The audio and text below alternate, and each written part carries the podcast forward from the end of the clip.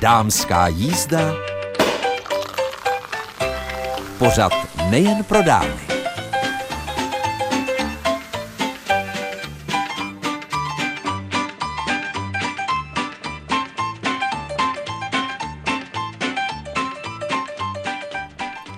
Středeční dopoledne. Je tady již tradičně dámská jízda s Mirkou Nezvalovou a také Monikou Brídovou. S Monikou Brídovou jsme si řekli, že se potkáme v konci července, protože její srpen je tak absolutně vytížen, že v žádném případě s námi nestíhá letně tvořit. Moniko, jak je to možné? Já ti nevím, já to mám takhle každý let, se rozjedu a pak už jenom frčím, ale pravdou je, že celý srpen budu mimo Jižní Čechy, budu na severu, ono tam teda nebude určitě chladněji, protože to bude jenom sever Čech. A mám pobyty vlastně tvořivé na Sebuzíně, což je taková vesnička u Ústí nad Labem. Tak doufejme, že eh, situace se tam velmi sklidní eh, co se týče toho požáru a že budou žhavé jenom vaše nápady, že nebudete rozdělávat žádný ohníček. Slibujeme, ni, nebudeme nikde nic zatápět. Ano, ale Moniko, my než začneme letně tvořit, tak eh, budeme tvořit v troubě a na kamnech, protože já jsem vyhlásila téma vaše cuketové recepty a jsem moc ráda, že už se mohu podělit eh, s posluchačkami dámské jízdy o recepty, které přišly. Ten první od paní, Jan, od paní Jany Ješkové z Písku, která nám poslala eh, tenké cuketové plátky z trouby a pak kuřecí prsa s cuketou a jablky. Tak já si myslím, že cuketové platky, placky z trouby tak umí lec kdo, takže třeba kdyby si vzala půl kila kuřecích prsou, dvě lžíce oleje, lžíci másla, pak by si vzala 15 eh, dekacukety, tedy 150 gramů a dvě jablíčka, pak lžíci jogurtu nebo zakysané smetany, přidala kary a hladkou mouku. Tak vlastně ta kuřecí prsa nakrájíš na nudličky, lehce obalíš v mouce, dusíš na tuku, to už jsme říkali, dvě lžíce oleje, lžíci másla, pak přidáš na proužky nakrájená jablka, cuketu, kary, jogurt, sůl a vše udusíš. Eh, ten recept mi přijde právě zajímavý propojením s masem a cuketou. Já jsem nejprve eh, se domnívala, že souboj slimáci cuketové květy a já vyhrají slimáci, ale jak se zdá, cukety jsou odolnější a začaly plodit, takže já i teď neustále řeším, kamže tu cuketu všude nadspu a dělám takový ten cuketový kyš, to znamená všechno dohromady, pak do toho vmíchám takové eh, kostičky, které jsou sírové, které se dají koupit, takové francouzské, ehm, takové krutonky a je to prostě hotovo. Kysaná smetana, vajíčko, sír. Ehm, jak říká moje vnučka CDD, co dům dal. A co ty? Já tomuto období, eh, které teď začalo, říkám, nechceš cuketu, protože eh, o mě se samozřejmě ví, že se živím hlavně rostlině a proto si všichni mý kamarádi a kamarádky eh, dávají záležet na to, aby mi nejméně několikrát týdně vnutili cuketu. A tak to mě jsem... mrzí, že jsem tu cuketu z chalupiky nepřivezla. já jsem včera byla v táboře u Simči a dala mi dvě cukety, takže já jsem cuketově zásobená. Ale já se vlastně nebráním, protože já z cuket, myslím, umím hodně jídel eh, i v mých kuchařkách, jak v té první, která už vyšla, tak v té druhé, která vyjde v září, je spoustu cuketových eh, receptů. Eh, nebudu říkat takový ty základní, že cuketa se dá grilovat, zapékat, dělat z ní buchta, to asi všichni vědí. Ale já cuketu jím i na syrovo, tomu se říká říká ro, neboli eh, takzvaně ži, naživo, živá strava. A k tomu je dobrý mít doma takový přístroj, kterýmu, kterýmu se říká spiralizer, eh, který z té cukety udělá špagety. Ale i když ho nemáte, tak se ta cuketa dá naškrábat nebo nastrou, ne nastrouhat. Vemete prostě škrabku na brambory a uděláte z ní takový dlouhý, tenký proužky a vypadá to jako tagliatele, takže nemusíte mít cuketový špagety, můžete mít cuketový tagliatele. A buď je teda uděláte na syrovo, to znamená, když je to hodně mladá cuketka. Ono, co si budeme říkat, ono to je stejný druh eh, zeleniny jako okurka, takže mladé cukety úplně bez problému můžete jíst syrové. A ještě lepší je předem je trošku namarinovat, naložit do nějaký dobrýho eh, nálevu. Eh, já vždycky doporučuji vyvážit sladkokyselou chuť a potom si k tomu už dát třeba jenom nějakou oříškovou pastu. Ale když už teda budete dělat cukety z, nebo špagety z cukety, to se hezky i rýmuje, tak si je můžete udělat i jako karbonára. To znamená na teplo. Na to budete teda potřebovat tu cuketu, pak uzené tofu, olej, lahůdkový droždí, česnek a směs koření na špagety. No a to je úplně jednoduchý, kdy vy vlastně to naškrábete, ty špaget, ty cukety na špagety. Ano, to se hezky rýmuje, ano, ale ano, také plete. Ano, přesně, takový malý jazykolam. No a potom vlastně je lehce namarinujete, já to dělám olejem a právě tím eh, kořením na špagety nebo nějakým italským kořením eh, na olej, dám trošku cibulky nakrájený, to, když, když se zlátne, tak k tomu přidám právě tyhle ty cuketové špagety, přihodím tam kostičky uzeného tofu, celý to společně orestuji, ale dělá se to krátce, 10, maximálně 15 minut. Ty špagety by měly zůstat pěkně al dente, žádný uh, rozvařený blátičko. No a to lahůdkový sušený droždí, uh, to je vlastně deaktivované. Droždí je takový prášek, vůbec nemá chuťově společného nic s tím klasickým droždím, ale spíš chutná jakoby oříškovo-sírově, tak to tam pak přisypu tak lžíci dvě a to tomu dodá ještě takovou tu lahodnou jakoby sírovou chuť a samozřejmě je to velice zdravé. No a to je vlastně skoro všechno, pak už to jenom promíchnu, eh, nandám a dozdobím eh, čerstvou zeleninou. A ještě dobré, můj tip úplně interní, jsou na to nakrájená sušená rajčata eh, a je to opravdu mňamózní. A já právě jsem hledala také cuketové recepty, což je logické. A našla jsem eh, cuketové špagety. Ovšem eh, v tom receptu se ty špagety minutu povaří. To znamená, eh, kdo jaksi se bojí nějaké syrové chuti, no a pak se klasicky promíchají třeba se sírem, s bazálkou, se vším. Cuketa má obrovskou výhodu, že přijímá Ona je neutrální. Ano, ano, výborně. Jako je pravda, že když se začínalo s cuketami, tak to bylo hlavně o tom, že jsme eh, jedli cuketové bochty, eh, cuketové bramboráky a tak dále. Já jsem cukety plnila. No a pak jsem zjistila, že ty kiše a tak dále, že je spousta, spousta receptů, což je i důkazem toho, že nám paní Jana Ješková poslala svůj recept právě na kuře s jablky a s cuketou. Takové recepty nám ale můžete posílat i vy.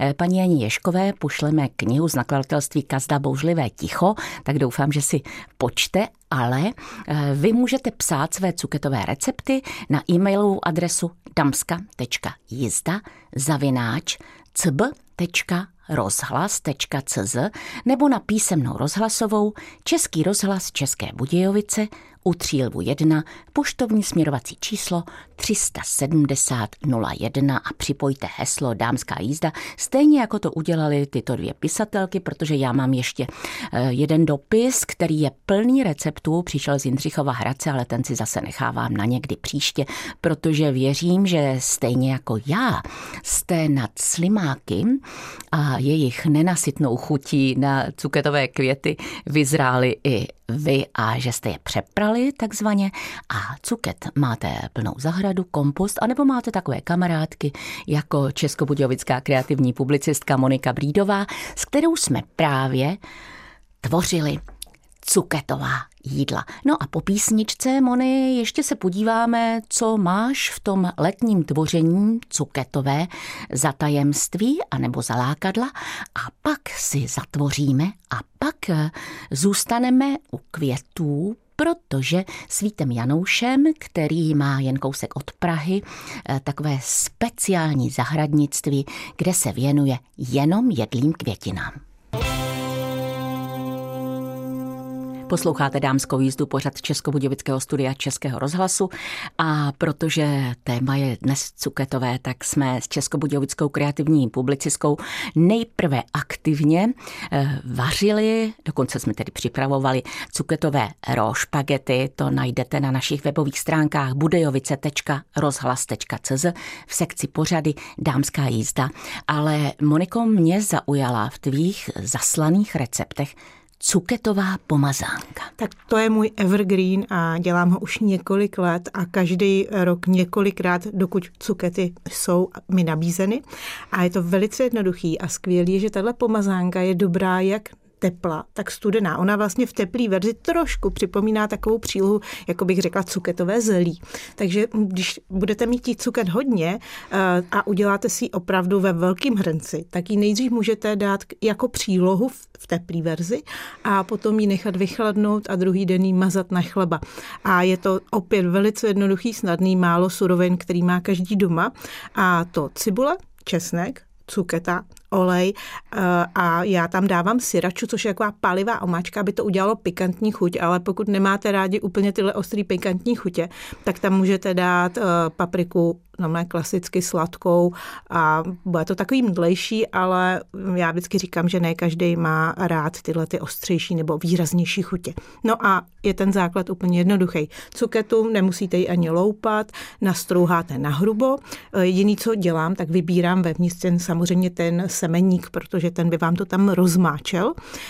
Ještě je dobrý tu cuketu, když ji nastrouháte, lehce ji posolte a malinko ji nechte v utěrce třeba jako, nebo položte ji na utěrku, nechte ji chviličku okapat a pak ji vyždímejte. Ono, čím méně tam budete mít té eh, cuketové vody, tím eh, méně vám to bude v tom plavat, což vlastně nechceme. No a potom na olej hodíte cibulku nakrájenou, necháte ji lehounce, ani ne ze zlátnou, spíš jenom tak jako ze sklovatět, potom tam přidáte česnek a lepší než prolisovaný je na tenunký plátky nakrájený, protože on pak tak eh, není výrazný a můžete ho tam dát o trošku víc, než kdyby byl prolisovaný. A přidáte tam tu cuketu. Osolíte, opepříte, mm, lehonce zarestujete a zase je to otázka deseti minut a úplně do finále, na finále tam přidáte já právě tu syraču, což je taková uh, azijská uh, pálivá omáčka, která tam udělá takovou tu, ten ocásek. Nedávej, nedávám tam toho moc, opravdu to nepálí, spíš to má jenom takový lehe, lehonký nádech. No a v teplé verzi opravdu se to dá třeba i na grilování vzít a podávat to k grilovaným věcem tak jako kdybyste někde podali zelí, no ale já to nechávám často vychladnout, protože potom namazaný na čerstvý pečivo je to prostě ideální. A cuketový tatarák, ještě poslední tvůj cuketový recept? To je vlastně vychází z podobného principu, kdy ale tam dám toho česneku o trošku víc a potom tam ještě přidávám, a to já miluju, ty právě sušený rejčata na drobno posekaný a plus samozřejmě papriku, takový to, co dáváte, každý máme, děláme, tak já nikdy nedělala z masa, ale když děláte tatarák, tak ho taky kořeníte. A vlastně ten základ je úplně téměř jedno, co bude, když ho dobře dokořeníte. Takže pokud máte i vlastní recept na tatarák a zrovna nemáte to maso syrový, tak eh, vemte cukatu, jenom ji vlastně předem lehounce poduste s tou cibulkou, aby trošku skřehla a pak už to dochuťte jako tatarák. Tak vy určitě, eh, milé přítelkyně a posluchačky dámské jízdy, i pánové, pokud nás poslouchají, máte cuketových receptů také spoustu protože popravdě řečeno, kdysi eh, vyšla jedna kniha v jednom českobudějovickém nakladatelství právě o cuketách, to ty cukety si začínaly teprve prorážet prostor do české kuchyně. A musím říct, že tehdy jsem si říkala, no cukety. A dneska si bez cuket právě nedovedu představit léto. Doufám, že ani vy, protože cuketových receptů je opravdu spousta a spousta. Tak Moniko, teď si byla cuketová královna, tak teď pojď být tvořivá královna. Tak samozřejmě léto je pro to tvoření úplně ideální, protože za prvý máme víc času. Já toho víc času vnímám pro, právě proto, že třeba i jsou dlouhý dny a, a ten, ty večery lákají pořád ještě k tomu něco dělat, protože na to dobře vidím. E, to je trošku takový sice vtipný, ale bohužel vtipná pravda. A tak tvořím, tvořím, tvořím. A hlavně se snažím každý léto jako proniknout do něčeho nového. E, tak já začnu možná tím novým, protože to je teď u mě úplně aktuální. E, jak víte, já jsem začala už na jaře se pronikat do malby ještě vysvětlím, někdo se mě ptá, jaký je rozdíl vždycky mezi malbou a kresbou. Tak eh, kresba je pastelkama, tuškama a malba je štětcem a barvama. Takže na jaře jsem začala akvarel, ale říkala jsem si, že by to chtěla ještě povznést někam dál. A moje úžasná kamarádka Máša Skrumlova, která začala malovat v 50, teď je něco přes 70 a má vlastní galerii a fakt je úžasná, tak mi řekla, musíš se mnou jet na olejový pastel. A já jsem říkala, ježiš, to je výzva. A tak jsem jela, strávila jsem tři krásné dny v Telči a pronikla jsem do olejového pastelu. Proto vždycky říkám, že není nikdy pozdě začít. Máša začala v 50, já o trošku později, ale myslím, že, že mi to jde, že se mi to líbí a pod dobrým vedením se naučíte ledasco. No a takže to je taková jedna moje věc. Potom jsem hodně uh, inspirovala se naší českou tvůrkyní uh, Ivetkou Silhovou, která dělá makrame a začala jsem dělat takové andělky podle jejího vzoru a dávám je všem svým kamarádkám. Uvidíte i na našich webových ano, stránkách budejovice.rozhlas.cz v sekci jedna, pořady. Jedna z nich teď už sedí v letadle a letí do Ameriky s mojí kamarádkou, která tady byla, tak jsem jí taky jednu vyrobila, je to takový milý dárek. Takže určitě, pokud eh, rádi tvoříte rukama, koukněte se, tu panenku zvládne myslím každý, protože jenom stačí mít šňůrky a malinko si zamotat. No a mm, potom mě baví v létě dělat zvonkohry. No, no, zvonek je tam hrozně jako nadnesený, protože já málo kdy použiju zvonky, ale využívám různé přírodniny. Teď zrovna můj balkon krášlí eh, zvonkohra z mušlí, kdy je to velice jednoduché. Vemete něco, co bude držet ty jednotlivé závěsy. Já jsem využila kokosový ořech, půlku kokosového ořechu, který jsem eh, navrtala kolem dokola malými dírkami. Na vlasec jsem navázala mušle od moře, které jsem, do, do kterých jsem také udělala dírky a proložila jsem to různými korálky. A uprostřed, a to je zajímavý, to mi poradila jedna uh, feng shui dáma, která se v tom vyzná a dokonce mi ten kámen věnovala. Eh, mám kám, proděravěný kámen a ona říkala, že na balkóny nebo před okna je dobrý si právě udělat takovýhle závěsy a že děravý kámen vlastně zachytává nějaký ty špatné energie. Tak já doufám, že ke mně domů proudí, teď jenom ty dobré energie, takže to je jeden závěs. A teď už mám nachystaný, ale nestihla jsem ho domotat. Eh, závěs z ulic, eh, normálně šnečích ulic, samozřejmě na jaře, když se projdete přírodou, tak najdete spoustu opuštěných domečků, Eh, tak eh, ty vždycky vezmu, namočím je do roztoku sava a vody, abych je vyčistila, vybělila, pak je nechám na sluníčku uschnout a potom je proděravím a možná se ptáte, čím dělám dírky, tak eh, můžete použít i malý nebozízek, ale tam je problém, že když to vrtáte ručně a pomalu, tak vám může ta ulita prasknout. Mnohem lepší je mít nějakou eh, vysokorychlostní eh, vrtačku, kterých dneska už je na trhu spoustu, jsou to takový Dámy, malinký. zapojte pány. Ano, oni budou vědět.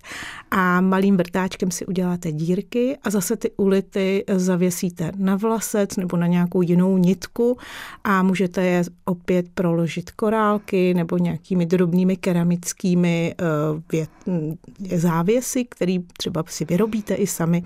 A e, nahoře, když to nemáte kokos, tak můžete, a to jsem viděla, je to velice pěkný, využít velké víčko od zavařovačky, e, o takový ty tří litrovky nebo kolik to je, prostě aby měl co největší průměr, e, který si natřete na barvu, která vám ladí a opět vyvrtáte dírky kolem dokola, ty tam teda můžete klidně udělat i nějakým eh, důlčíkem a pověsíte ulitky. A eh, ono ty ulity i ty mušličky, když zafouká vítr, tak se tak jako eh, hezky sebe dotýkají. Není to takový hřinčení, jako když použijete třeba kov, ale je to velice milý a takový jako zvukově malebný. Takže to je další typ. A pos- a ještě než řekneš, tak já jenom dodám, že můj muž se u tebe inspiroval, takže mě na chalupě už na větvičce, která je přírodní, visí takhle dolů tři závěsy a musím říct, že jsou tedy z, z těch ulic šnečích. Některé mám od tebe, některé jsem tedy zakoupila v zahradním centru, ale především, když se do nich takhle opře to sluníčko, tak je to nádherné, nádherné, nádherné. No a ještě jsem s posledním typem, než tě vypustím na tvou dnešní akci ukulelovou do Třeboně. Tak eh, já se do Třeboně moc těším, jenom chci Eh, říct, kdybyste někdo byl teď v Třeboni, tak o 10 hodin na zámku začíná výstava Lego a my tam budeme s kulíkama hrát, pokud to tam dojedu včas, ale já myslím, že to stihnu. Takže já vám teď dám ještě poslední tip, eh, kdy eh, jsem zatoužila mít svůj originální kufr, protože to znáte, když čekáte na letišti, než vám přijede na rondelu kufr a pořád koukáte a tenhle vypadá jako můj a není to můj a tenhle vypadá jako můj a zase to není můj, tak já jsem si řekla, že konečně budu mít kufr, který bude jenom můj a který jen tak mi někdo nevezme, protože by jsem si ho poznala na stohonu. A protože miluju mandaly a mám spoustu doma mandalových šablon, tak jsem takový skořipinový kufr. On byl teda poškrábaný, ale právě to bylo dobrý, že jsem tam mohla ještě i zakrýt to, ty škrábance, tak jsem na něj položila ty šablony, nejdřív jsem to stříkla uh, sprejem a pak jsem si vzala eh, lakovou fixu, ještě jsem to celé domalovala.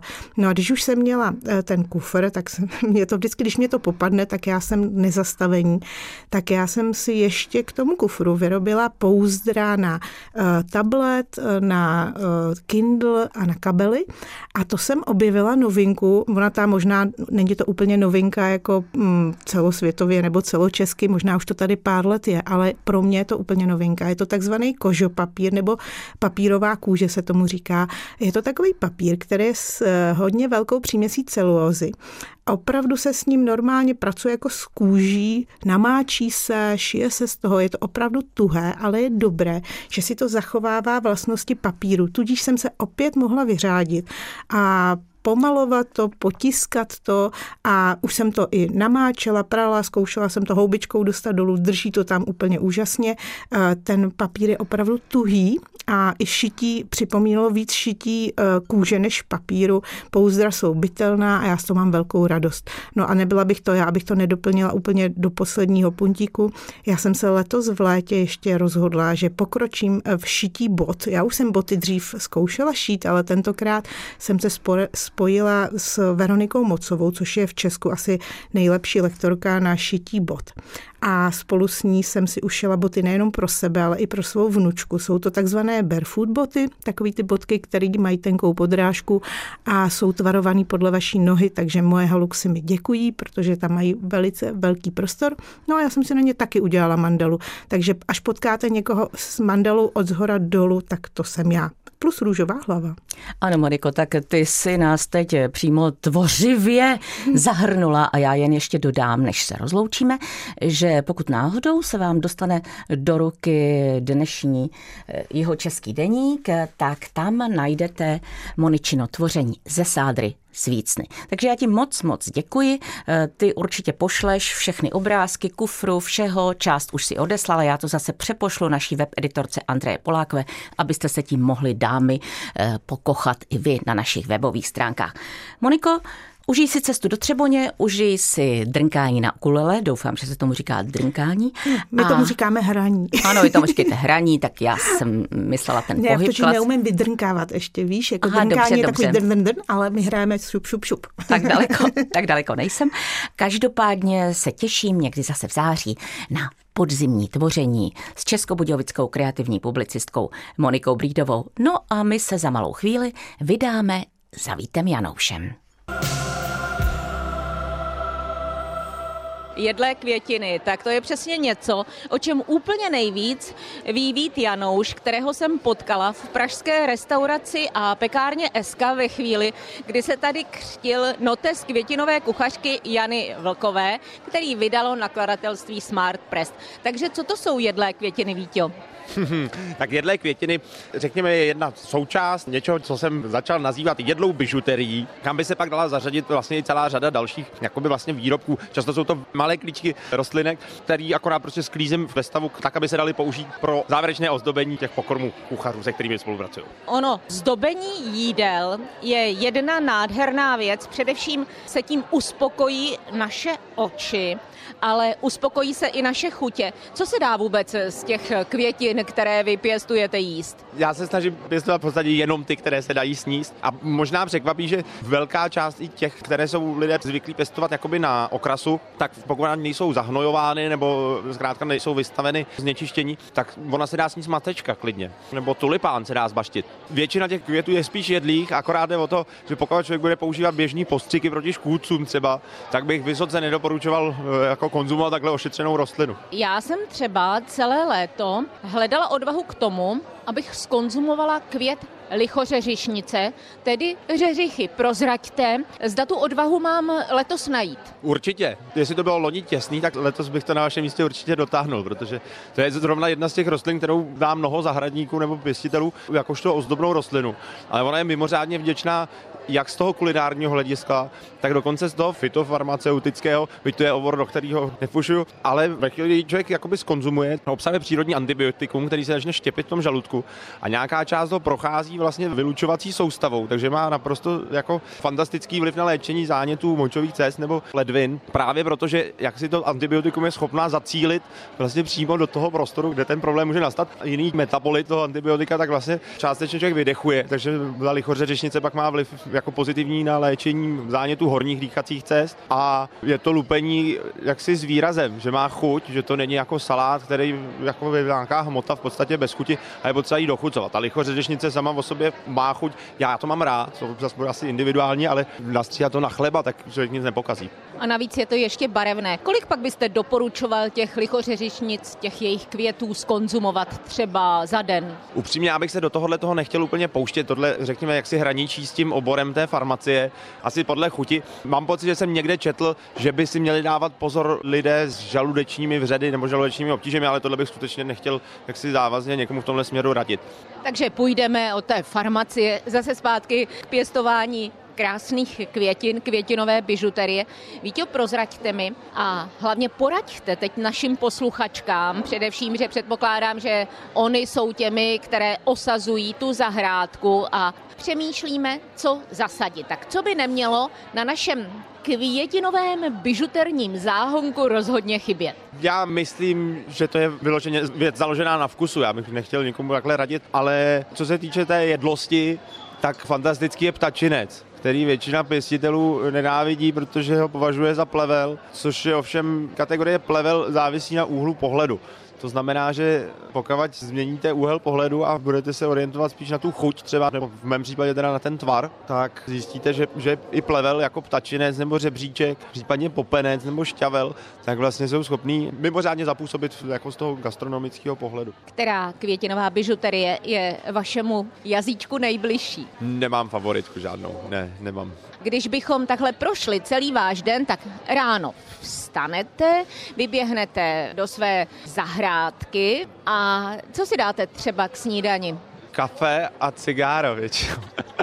Tak dobře, tak pokud nepěstujete tabák, tak to asi nebude za zahrádky, ale dobře, tak snažila jsem se jak si ukázat, že i vaše květinky se ocitají na vašem talíři. Tak jako mimo děk jsem nucen toho nějakou část konzumovat, když právě kontroluji, jestli třeba lusk řetkvičky, který vyroste na řetkvičce, pokud člověk nechá dostatek prostoru a nevytáhne ji úspěchaně ve stavu té bulvy, tak ten lusk vlastně jako zvenku není úplně poznat, jako kdy začne být tvrdý už a, a zůstávala by vlákna mezi zuby, což je něco, co si nemůžu dovolit jakoby u těch svých klientů, nebo si to nechci dovolovat.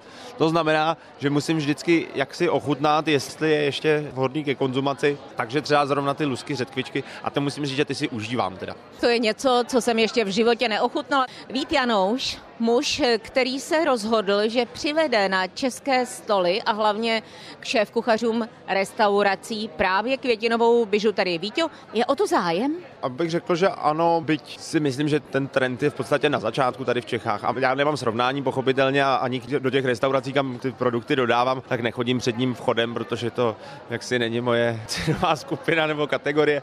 Pro peněženku možná. Nicméně jako vnímám to podobně, jako by si člověk měl zajít asi jednou za život aspoň do opery a podívat se na divadlo, byť s tím, že ho to nenadchlo, že to není jako forma času, která by mu konvenovala, tak bych stejně tak doporučil jako zajít si do nějaký vysoce kvalitní restaurace. Nechci tím říct, že nutně jako drahý, tam ta cena nemusí jít měřítkem. Na druhou stranu, jako dělat něco dobře, nejde dost dobře levně. Jak vás to vůbec napadlo pustit se do oné květinové bižuterie, jejího pěstování? Já jsem do toho oboru tak trochu prchal, protože jsem si vyzkoušel všechno možného. Cítil jsem se tak jako nenaplněn trochu. Šel jsem do toho s takovým přesvědčením, že nejsou k sehnání dobrá rajčata. Tehdy to bylo jako čistě taková pocit, že když budu dělat tu zeleninu dobře, tak bude v podstatě jedno, jakou budu dělat, ale že ten odbyt si seženu. No a v podstatě to bylo na začátku toho příběhu a postupně jsem se tak jako zmenšoval, zmenšoval, zdražoval, až jsem se jel prodávat jedlou bižuterii. Vít Janouš, firma Personal Green. Víte, já vám držím palce. Je ještě nějaká květina, kterou chcete přitáhnout na své bižuterní záhonky a pak ji nabídnout? Určitě snažím se každý rok jakoby tu svoji nabídku o něco obohatit, rozšířit. Teď mě napadlo, ať začne kvést Petržel, tak ať ji vezmou na vinost a ochutnají květ Petržele. A to už je z dnešní dámské jízdy téměř všechno, jen ještě připomínám, že podle lunárního kalendáře krásné paní je zítra novoluní, tak pokud byste náhodou chtěli vyzkoušet nějaký lehký půst nebo detoxikovat své tělo, tak zkuste červenou řepu, protože obsahuje vlákninu, usnadňuje práci střevům a pomáhá při detoxikaci organismu. Dokonce víte, že listy červené řepy jsou jedlé a obsahují beta-karoten, vápník a žel železo. No a čerstvě uvařená řepa je stejně dobrým, možná i lepším zdrojem živin než syrová, protože obsahuje vyšší hladinu většiny minerálních látek, především draslíku. Také zkuste pít zelený čaj, protože je prokázaným antioxidantem a povzbuzuje metabolismus. A jestliže jste podráždění, bezdůvodně žárlíte, povzbuďte játra, citrony a artičoky. Užijte si všechny krásné dny. Příští středu je tady opět dámská jízda s Mirkou Nezvalovou. Mějte se báječně.